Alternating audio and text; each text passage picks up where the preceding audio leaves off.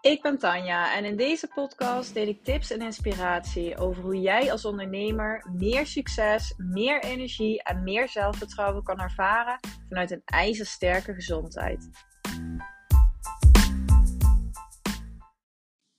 In deze aflevering ga ik het hebben over PDS, het prikkelbaar darmsyndroom. Om te beginnen, wat is PDS nou eigenlijk? Nou, ik zie PDS echt als een verzamelterm. Het is niet één specifieke aandoening of ziekte, maar het is eigenlijk een verzamelterm die wordt gebruikt voor heel veel verschillende darmklachten.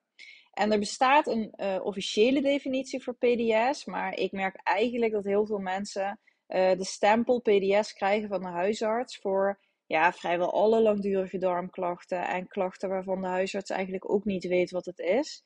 En uh, dat de definitie dus eigenlijk niet altijd even goed wordt gehanteerd. Maar officieel kan je de term PDS krijgen als je uh, minimaal één dag per week uh, in de afgelopen drie maanden buikpijn hebt gehad, met daarbij diarree en of obstipatie. En de klachten moeten minimaal zes maanden aanwezig zijn, dus ze moeten al wat langer duren. Nou, ongeveer 20% van de mensen in de westerse landen heeft PDS. En dat betekent dus dat 1 op de 5 mensen last heeft van een overgevoelige darm. Ja, dat aantal ligt dus echt enorm hoog. 1 op de 5 is gewoon echt heel veel, hè? moet je nagaan. Nou, er bestaan uh, officieel drie verschillende vormen van PDS. Eh, je hebt PDS met diarree, dus juist de hele dunne ontlasting. Uh, je hebt PDS met obstipatie, dus juist heel moeilijk of niet naar het toilet kunnen gaan. En je hebt PDS met zowel uh, diarree als obstipatie, dus een hele wisselende ontlasting. En uh, daarnaast zijn eigenlijk heel veel klachten en symptomen die je kan hebben als je last hebt van PDS. Denk aan buikpijn, darmkrampen, gasvorming, hele opgeblazen buik, een heel, heel erg opgeblazen gevoel. Uh, misselijkheid, uh, maar ook gewichtsverlies, omdat je spijsvertering niet goed loopt en voedingsstoffen gewoon niet meer goed kunnen worden opgenomen. Uh, ook klachten als hoofdpijn of vermoeidheid. Um, nou, darmklachten kunnen echt heel vaak tot andere klachten leiden, dus denk ook zeker aan huidklachten, verstoorde hormoonbalans, nou ja, zelfs immuunproblemen. En bij meer dan de helft van de mensen met PDS zijn de zenuwen in je darm ook extra gevoelig. Um, dit heeft invloed op de communicatie met je hersenen. Want er loopt eigenlijk een hele belangrijke zenuw vanuit je darmen naar je brein. En deze zenuw wordt de nervus vagus genoemd. En um, als de zenuwen in je darmen dus extra gevoelig worden, wordt daardoor de communicatie met de hersenen verstoord. Want de zenuwen in je darmen gaan extra stevige signalen naar de hersenen versturen. Hè? Want ze die, die zenuwen worden extra gevoelig, dus ze geven veel te snel die prikkels door. En je hersenen gaan, ja, als het ware, dus ook weer extra stevige signalen terugsturen. En hierdoor kun je onder andere eerder pijn ervaren. En het is ook mede de oorzaak van uh, de hevige buikpijn en krampen die je kan ervaren bij PDS. Uh, komt ook doordat uh, serotonine minder goed kan worden aangemaakt. Serotonine is eigenlijk een stofje wat voor 90% in onze darmen wordt aangemaakt. En dit stofje reguleert onze pijngevoeligheid en uh, zorgt ervoor dat we ons gelukkig kunnen voelen en ons relaxed kunnen voelen. En um, als het stofje dus niet meer goed kan worden aangemaakt, ja, heb je dus ook sneller pijn, kun je echt down voelen. serotonine is ook de voorloper van een slaaphormoon, melatonine. Dus uh, het kan er ook echt voor zorgen dat je slaapproblemen krijgt en minder, minder, uh, minder goed kan slapen. Um, en dus ook, hè, verstoorde werking van die hersen-darmas kan dus ook zeker leiden tot depressie en angststoornissen. En dit zie je ook echt veel vaker bij mensen met PDS. Hè. Die relatie is echt wetenschappelijk aangetoond. Dus die invloed is echt zeer sterk aanwezig. Nou, de impact van PDS kan, ja, kan echt wel groot zijn op jou als, uh, als ondernemer, hè? op je bedrijf en uh, ook op je sociaal leven. Want um, ja, deze darmklachten en ook alle klachten die er eigenlijk omheen hangen, kunnen best wel wat voor onzekerheid en voor minder zelfvertrouwen zorgen. Denk maar aan die opgeblazen buik die ja, constant kan komen opzetten waar je je kleding op moet aanpassen. Hè. ik hoor heel vaak van mijn klanten dat ze daar toch echt bewust over na moeten denken. Dat ze niks straks kunnen aandoen. Of een mooie pantalon waar ze een blouseje in willen doen. Um, nou, dat ziet er natuurlijk ook niet zo mooi uit als je daar een hele opgeblazen buik in hebt. Maar ook het nooit kunnen timen van je buikpijn. Hè. Sommige mensen krijgen echt zo'n erge buikpijn dat ze op dat moment gewoon echt plat moeten kunnen gaan liggen. Enige manier om er vanaf te komen. Nou, dat is natuurlijk ook niet echt heel handig als je ergens bent. Ehm, maar ook naar de, plotseling naar de wc moeten rennen kan echt voor heel veel stress en onzekerheid zorgen. Ik zie ook heel vaak hè, dat nou ja, als je net iets verkeerd eet, dat je het ook niet altijd goed kan inschatten wanneer het gaat gebeuren. En dat je dan eigenlijk ook altijd ermee bezig moet zijn dat er wel een wc in de buurt is. En uh, ja, dat is, dat is mentaal gewoon best wel zwaar. Hè? Het constant moeten plannen en het over nadenken wat je eet, om maar te voorkomen dat je daar last van gaat krijgen. En zeker als je er dus echt op uitgaat, wordt dat heel vervelend. Uh, als je bijvoorbeeld een netwerkborrel hebt, of als je een fotoshoot hebt, of je wil naar een live dag.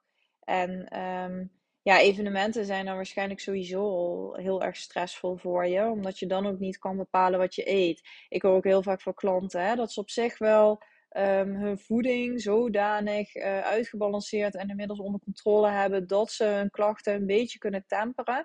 En dus ook heel bang worden om uh, ander eten te eten, waar ze dus minder invloed op hebben. En dan kan het best wel heftig zijn om ook naar zo'n uh, extern evenement te gaan. Nou ja, uh, wat ik ook vaak terugzie bij klanten is, ja, ze voelen echt heel duidelijk dat, er, dat het gewoon niet goed zit in hun lichaam. En dat geeft eigenlijk ook een constante mate van, van onrust. Nou ja, dan heb je natuurlijk nog die verstoring met die hersen-darmas. Um, ja, dat kan ook echt wel een grote invloed op je brein hebben. Uh, je kan je mentaal minder sterk voelen. En ja, het heeft gewoon ook echt wel een impact op je focus en op jouw stressbestendigheid. En uh, ja, die vermoeidheidsklachten, het lagere energieniveau wat je misschien hebt. Ja, dat kan ook echt te linken zijn aan je darmen die niet goed werken. En die energie heb je natuurlijk uh, gewoon heel hard nodig om de hele dag door gewoon lekker te knallen aan jouw bedrijf. Nou, bij de huisarts of in het ziekenhuis um, krijg je eigenlijk uh, ja, meestal te horen dat er niks te doen is aan je PDS-klachten. Vaak wordt er dan ja, misschien nog wel een FODMAP-dieet aangeraden. Waarbij je eigenlijk alle voedingsmiddelen die uh, rijk zijn aan vezels uit je dieet gaat halen. Nou, ik ben er echt absoluut geen fan van. Want met zo'n dieet ga je puur ja, de triggers eruit halen. Hè? De, de voeding die inderdaad wat moeilijker te verteren is. Waar jouw darmen op reageren. Omdat die vertering ook niet meer goed loopt. Uh, dus als je die eruit gaat halen, gaan je klachten inderdaad wat verminderen. Maar je doet ondertussen helemaal niks aan de oorzaak van de klachten. Want als jij weer normaal, hè, als je wel weer van alles zou gaan eten, dan komen je klachten gewoon weer terug en heb je wel weer last. En ja, het hoeft gewoon echt niet nodig te zijn om met PDS vast te blijven zitten aan, aan één dieet voor de rest van je leven. Um, dat geldt voor alle vlakken. Je hoeft niet voor de rest van je leven allerlei voedingsmiddelen uit te bannen. Um, omdat je hebt ontdekt dat je daar misschien last van hebt. Als je je darmen gaat herstellen, dan is het gewoon de bedoeling dat je, dat je alle voeding weer kan gaan eten zonder daar klachten van te krijgen. En ook het FODMAP-dieet kan uiteindelijk alleen maar de problemen verergeren, omdat jij dus uh, vezels gaat weglaten. En dit kan ervoor zorgen dat de balans in je darmen alleen maar nog verder verstoort. Uh, want vezels zijn juist een voedingsbodem voor de goede bacteriën in je darmen. En die zijn echt nodig voor een goede darmwerking. Dus als je die gaat weglaten, ja, kunnen die ook niet voldoende groeien. En je kunt ook gewoon tekorten krijgen, omdat je gewoon echt heel eenzijdig gaat eten met FODMAP. Nou, wat zit er nou achter PDS? Hoe kan PDS ontstaan? Waarom heeft de ene persoon daar wel last van en de andere niet? Nou, er zijn echt heel veel factoren die van invloed kunnen zijn op de werking van je darmen. En er zijn dus ook heel veel mogelijke oorzaken voor het ontstaan van PDS. Hè. Zoals ik al zei, PDS is echt een verzamelterm. Het is geen één, één ziekte uh, met maar één oorzaak. Er zijn uh, heel veel factoren die kunnen zorgen voor PDS-klachten. En PDS begint eigenlijk altijd bij een verstoring van je darmflora of je darmen die beschadigd raken. En uh, het is niet iets wat je, ja, wat je zomaar wel of niet hebt. En dat gevoel krijg je natuurlijk vaak bij de huisarts. Hè? Ja, je hebt nu eenmaal pech. Je hebt wat gevoeligere darmen.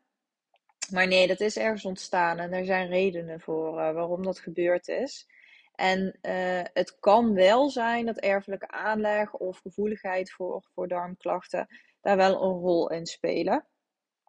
Maar er zijn ook echt andere dingen die uh, die, die klachten dan, uh, dan laten ontstaan. En zaken die ik in de praktijk tegenkom, uh, zijn bijvoorbeeld langdurig antibiotica gebruik. Zie ik bijvoorbeeld bij een blaasontsteking die heel vaak terugkomt of acne, dan wordt er best wel lang antibiotica ingezet. En antibiotica slaat echt naar alle goede bacteriën in je darmen uh, kapot. Dood niet alleen hè, de slechte bacteriën of eventuele ziekteverwekkers die je daarmee hoopt aan te pakken. Maar het doodt ook de goede bacteriën, waardoor je darmen gewoon echt uh, snel achteruit gaan, echt schade kan ontstaan. Nou, ook langdurig gebruik van pijnstillers, zoals bijvoorbeeld ibuprofen, richten echt veel schade aan in je darmen. Um, zoals ik al zei, een disbalans in je darmflora um, kan uh, de oorzaak zijn van darmklachten. Um, we hebben eigenlijk allemaal gewoon heel veel bacteriën in onze darmen. En we hebben zowel uh, goede bacteriën die heel veel goede functies voor ons lichaam uitvoeren en die een hele belangrijke rol spelen in je darmen en in je spijsvertering. Uh, maar we hebben ook, ja, we komen allemaal in aanraking met slechte bacteriën. Dat is normaal, hè? op het eten wat we zitten, de lucht die we inademen, uh, dingen die we aanraken. Nou, we komen met voldoende bacteriën in aanraking.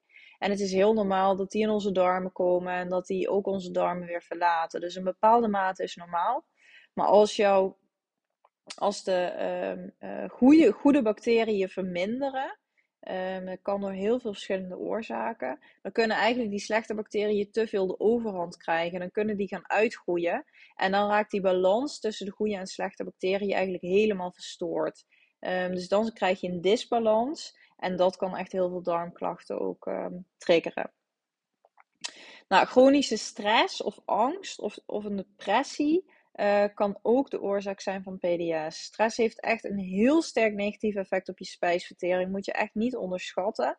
En het zorgt er ook voor dat je darmwand beschadigd raakt. Um, het, ja, dus hè, wat we net al zagen, ook met die bacteriën. Het heeft echt een negatieve impact op de samenstelling van je microbiome. Want het, uh, het zorgt er ook echt voor dat die goede bacteriën zich niet goed kunnen, kunnen vermenigvuldigen. Dus je krijgt dan ook heel snel last van die disbalans.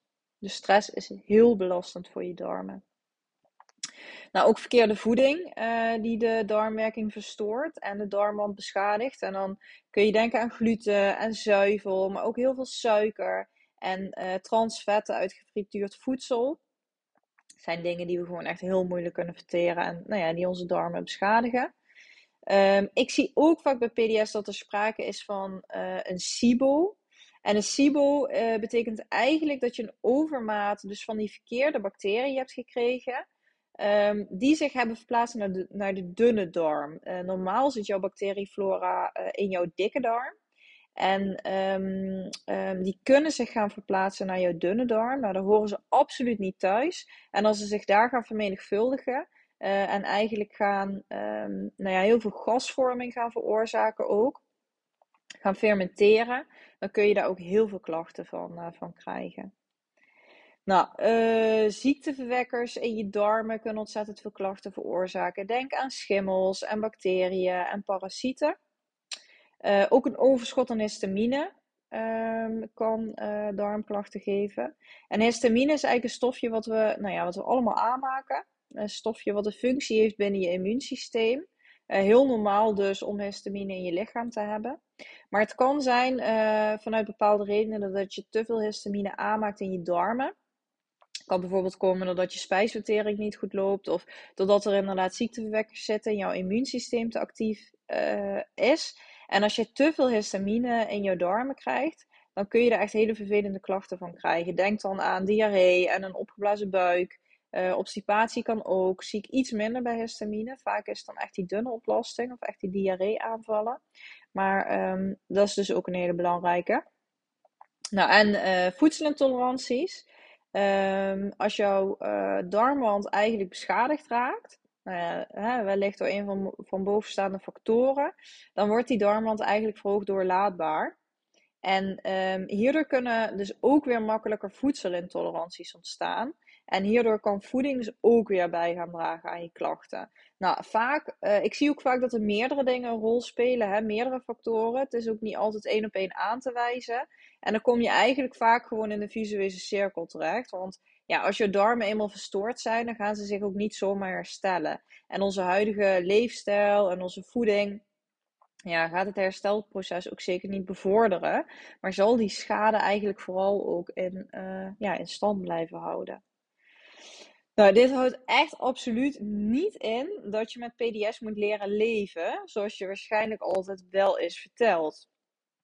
Want er is een reden waarom jij deze klachten ervaart. Hè? Dat is wel een reden, dat is wel een oorzaak. En het is dus belangrijk om inzichtelijk te gaan maken wat er nu eigenlijk in jouw darmen allemaal aan de hand is. Dus ik raad je, als je PDS wil gaan aanpakken, raad ik je altijd een uh, uitgebreid ontlastingsonderzoek aan zodat je op basis van laboratoriumonderzoek ook echt inzichtelijk kan gaan maken wat de oorzaak van jouw klachten is. Nou, in zo'n onderzoek kun je zien of je spijsvertering nog goed verloopt, um, of er ontstekingen in je darmen zitten, of er ziekteverwekkers zijn, zoals een schimmel, een parasiet, ziekmakende bacteriën. Uh, we zien of er te veel histamine in je darmen wordt geproduceerd. Nou, en ik raad ook altijd aan om uh, dus voedselintoleranties in kaart te brengen, zodat jij ook echt weet welke voeding uh, een trigger voor jou vormt, waarop je reageert en welke je tijdens het herstellen van je darmen dus ook moet gaan vermijden. En het is heel belangrijk om die voedselintoleranties dus ook inzichtelijk te krijgen, omdat je anders, iedere keer als je die voeding toch weer eet, blijf je je klachten eigenlijk triggeren, blijf je toch weer die immuunreactie krijgen. Dus het is belangrijk om rust in je darmen, rust in je systeem te krijgen. Dus eigenlijk alle triggers vanuit voeding er ook uit te halen, zodat je je darmen kan uh, gaan herstellen. En het is eigenlijk heel moeilijk om zelf te achterhalen op welke voeding je reageert. Omdat het bij een voedselintolerantie kan het wel tot drie dagen duren voordat je uh, last krijgt. Nou, bij PDS is er vaak gewoon sprake van uh, opgebouwde voedselintoleranties, omdat deze juist kunnen ontstaan als je vertering niet goed verloopt, als je darmen beschadigd is. Nou, en dit is, uh, nou ja, dit is meestal het geval. Um, misschien goed nog om te vermelden, want deze vraag krijg ik best wel vaak. Hè? Uh, is zo'n ontlastingsonderzoek dan hetzelfde als bijvoorbeeld een EMB-test? Haal je daar dan dezelfde informatie uit? En dit is echt zeker niet het geval.